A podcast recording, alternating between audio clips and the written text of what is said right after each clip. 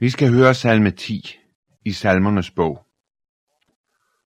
Hvorfor står du så fjernt, o Herre? Vi dølger du dig i trængselstider. Den gudløse jager i hovmod den arme, fanger ham i de rænker, han spinder. De den gudløse praler af sin sjæls atro. Den griske forbander ringeagter Herren. Den gudløse siger i hovmod, han hjemsøger ej. Der er ingen Gud. Det er alle hans tanker. Dog altid lykkes hans vej. Højt over ham går dine domme. Han blæser af alle sine fjender. Han siger i hjertet, jeg rokkes ej, kommer ikke i nød fra slægt til slægt. Hans mund er fuld af banden og svig og vold. For der og uret er under hans tunge. Han lægger sig på lur i landsbyer, dræber i løn den skyldfri. Efter staklen spejder hans øjne. Han lurer i skjul som løve i krat. På at fange den arme lurer han. Han fanger den arme ind i sit garn. Han dukker sig, sidder på spring, og staklerne falder i hans klør. Han siger i hjertet, Gud, du glemmer. Han skjuler sit åsyn. Han ser det aldrig. Rejs dig, Herre, Gud. Løft din hånd. De arme glemme du ikke. Hvorfor skal en gudløs spotte Gud? Sig i hjertet, du hjemsøger ikke. Du skuer dog møje og kvide. Ser det og tager det i din hånd. Staklen tyr hen til dig. Du den faderløses hjælper. Knus den onde, den gudløses arm. Hjemsøg hans gudløshed, så den ej findes. Herren er konge evigt og altid. Hedningerne er ryddet bort af hans land. Du har hørt de ydmyges ønske, Herre. Du styrker deres hjerte, vender øret til, for at skaffe fortrygte og faderløse ret. Ikke skal dødelige mere øve vold. Amen. Det er så let at få den tanke, at når du kom til tro på Gud, så sørger Gud for dig i den forstand, at alt i dit liv, det bliver let. Du siger det måske ikke til andre. Du ved måske også, at det er forkert. Og alligevel så sidder det dybt i dig. Denne næsten udryddelige tro.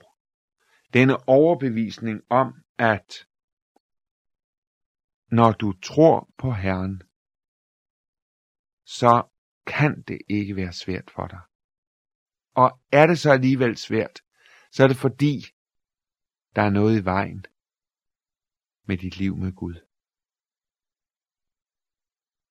Herre, hvorfor står du så fjernt? Hvorfor dølger du dig i trængselstider? Og så ser du på verden omkring dig.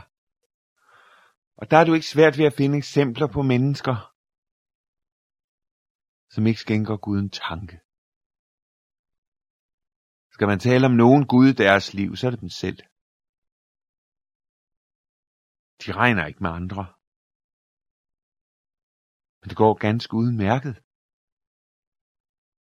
De synes, det går fantastisk. Og du må sige, at så langt du kan se, så er de ret. Står i Bibelen, at syndens løn er døden. Men sådan ser det ikke ud, synes du. For der er mange af dem, som har kastet Guds lov bag sig, der har det udmærket. Altid lykkes deres veje. Vers 5. Og de praler. At det deres sjæl, deres hjerte er tror. Det de vil, det de vil have. Gud, ham har de et skuldertræk til års for. Vers 3. Og alt det med de kristnes tale om. At der er en, vi skal stå til regnskab for. Nej. Vers 4. Gud hjemsøger ikke. Der er ingen Gud.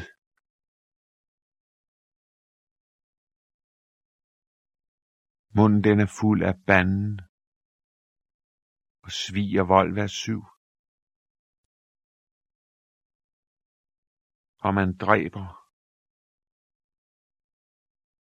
Vers 8. Der hvor man har lyst til det. Og du ved, du kan dræbe på mange måder. Først og fremmest gennem dine ord. Hvordan kan det være, at Gud tillader al den ondskab? Hvordan kan det være, at voldsmændene, de får lov at øve deres vold? Hvorfor står det så fjernt? O oh Gud. Det spørgsmål, det er blevet stillet, siden disse ord blev formet første gang.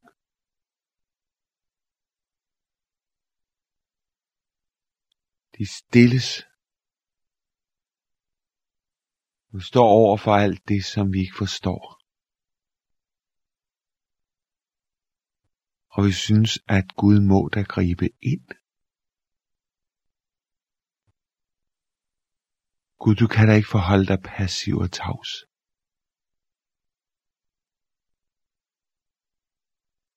Men vi kan ikke se, at der sker noget. Vi kan høre, at mennesker siger, at Gud han glemmer. Han skjuler sit åsyn, han ser ingenting. Hvad skal du gøre, når du kommer ind i sådanne kriser i dit liv? Når noget af det, du møder, salme 10, bliver helt personligt i dit liv. Fordi det er så mørkt for dig. Mens du synes, at det er så lyst for andre. Det første, jeg vil sige til dig, det er, du skal gøre det, salmisten gjorde. Han kom til Gud. Han sagde det til Gud, som det var. Han lagde det frem for Gud. Og det vil jeg sige dig, du kan ikke svare dig selv. Og du kan heller ikke få noget andet menneske til at give dig svar. Du må gå til ham, der har alle tråde. Også de mørkeste og de mest indviklede. Alle tråde har han i sin hånd. Og så skal du ikke hykle over for Gud. Du skal være så ærlig, som salmisten her er. Du kan ikke være i tvivl om, hvordan han oplever det. Og det kan Gud heller ikke for han siger det til Gud. Akkurat. som det er. Det næste, jeg vil sige til dig, det er, at du skal vide, at den arme har en ret hos Gud. Den hjælpeløse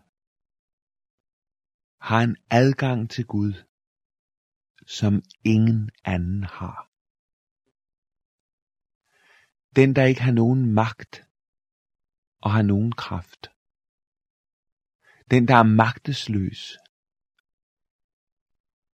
Han har en adgang ind i Guds hjerte, som er forbeholdt ham alene. Og det er denne ret, som salmisten råber til Gud under påkaldelse af. Han siger vers 12, de arme glemme du ikke. Din og min nød er så tit, at vi vil ikke være, hvad vi er. Det fører falskheden ind i vort liv.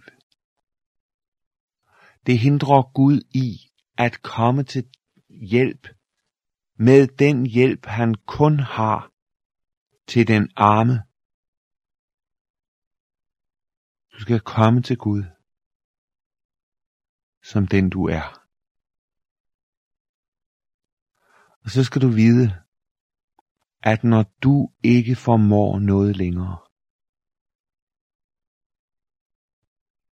så kan Gud komme til på en måde, som han kun kan gribe ind i den magtesløses liv. Når du har tænkt dig træt til døden, for at få besvaret dit livs dybeste problem og spørgsmål, så kan du sige til Gud, at nu må han lære dig at tænke sine tanker.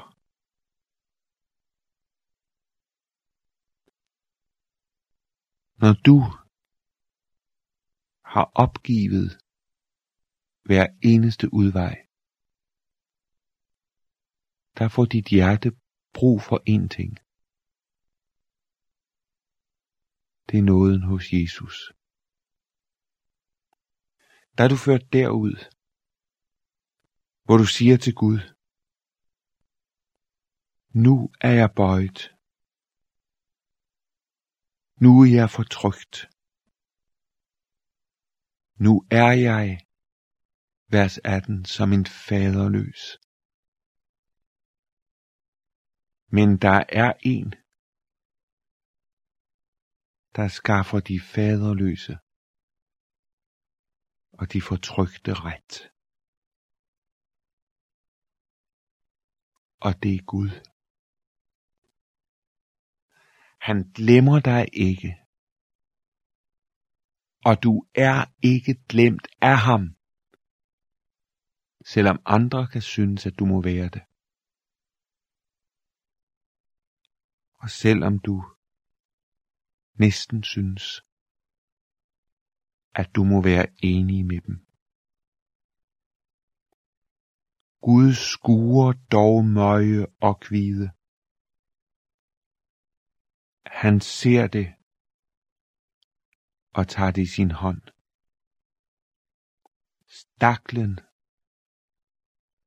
tyr hen til dig. Det er en stor sejr i dit liv, når du er denne stakkel, der bare må gå hen til Gud, der bare må ty hen til ham, der må ind i hans favn. Han er din hjælper. Du må sige det, Gud. Jeg er træt af at finde på løsninger selv. For jeg ser jo, at det, som jeg kan udtænke,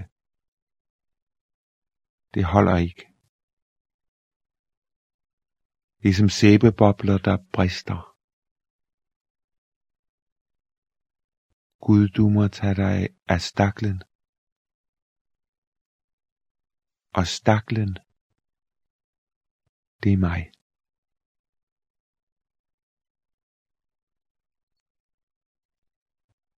Jeg må sige det til dig. Staklen har en ret hos Gud,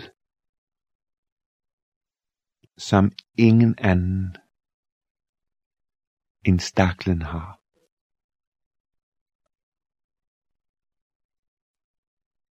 Gud handler med dig.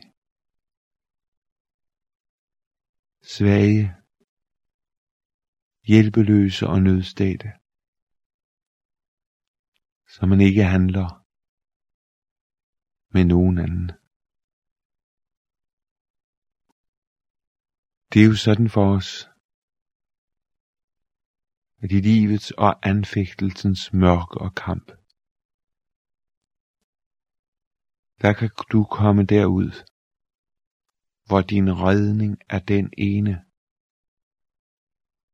at du må bære sig Gud at han må tage dig i favn. At han må føre dig.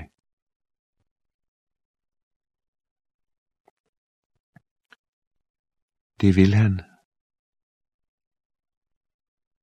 Sandheden er den, at Gud bærer lammene i favn. Og han bærer dig hele vejen hjem. Det kan være, at livet er ved at være gået for dig nu. Og du er klar over, at der kan ikke være så lang tid tilbage her på jord. Vandringen, den er snart slut. Og der kan der komme mange tanker. Også mørke tanker ind over dig ind i dit sind. Men der må jeg sige til dig, at Gud vil bære dig hele vejen hjem. Det er ikke sådan, at han slipper dig til sidst. Der holder han dig dobbelt fast. Der knuger han dig til sig og forsikrer dig om, at du hører ham til. Der er mange spørgsmål, som jeg ikke kan give svar på. Vi har nemlig ikke Gud. Jeg ved, at Gud kan det. Men jeg ved også, at Gud har givet et svar, som er svaret over alle svar. Og det svar gav han, da blodet løb fra hans søn. Og så spørger Gud mig, kan du ikke se, at jeg elsker dig? når jeg offrer min søn i dit sted? Kan du tvivle på, at jeg vil frelse dig? Og så løftes dit blik op over alle vanskelighedernes bjerge, og du ser ham, som kommer. Han kommer jo. Han kommer til sidst for at hente dig. For at tage dig ved hånden. For at gå sammen med dig ind i paradis. Så godt er det at være frelst så godt er det at være en benådet sønder. midt i al kamp, midt i al strid. Herren skaffer de fortrygte og faderløse ret for evigt. Lad os bede. Himmelske Far, vi forstår dig ikke. Men vi kender Jesus, og han er vort alt. Herre, tak, at du har åbenbaret din frelsesvilje i din søn. Og tak, at du tager dig af den, der synes, at nu er det allermørkest. Nu er det allersværest i mit liv. Amen.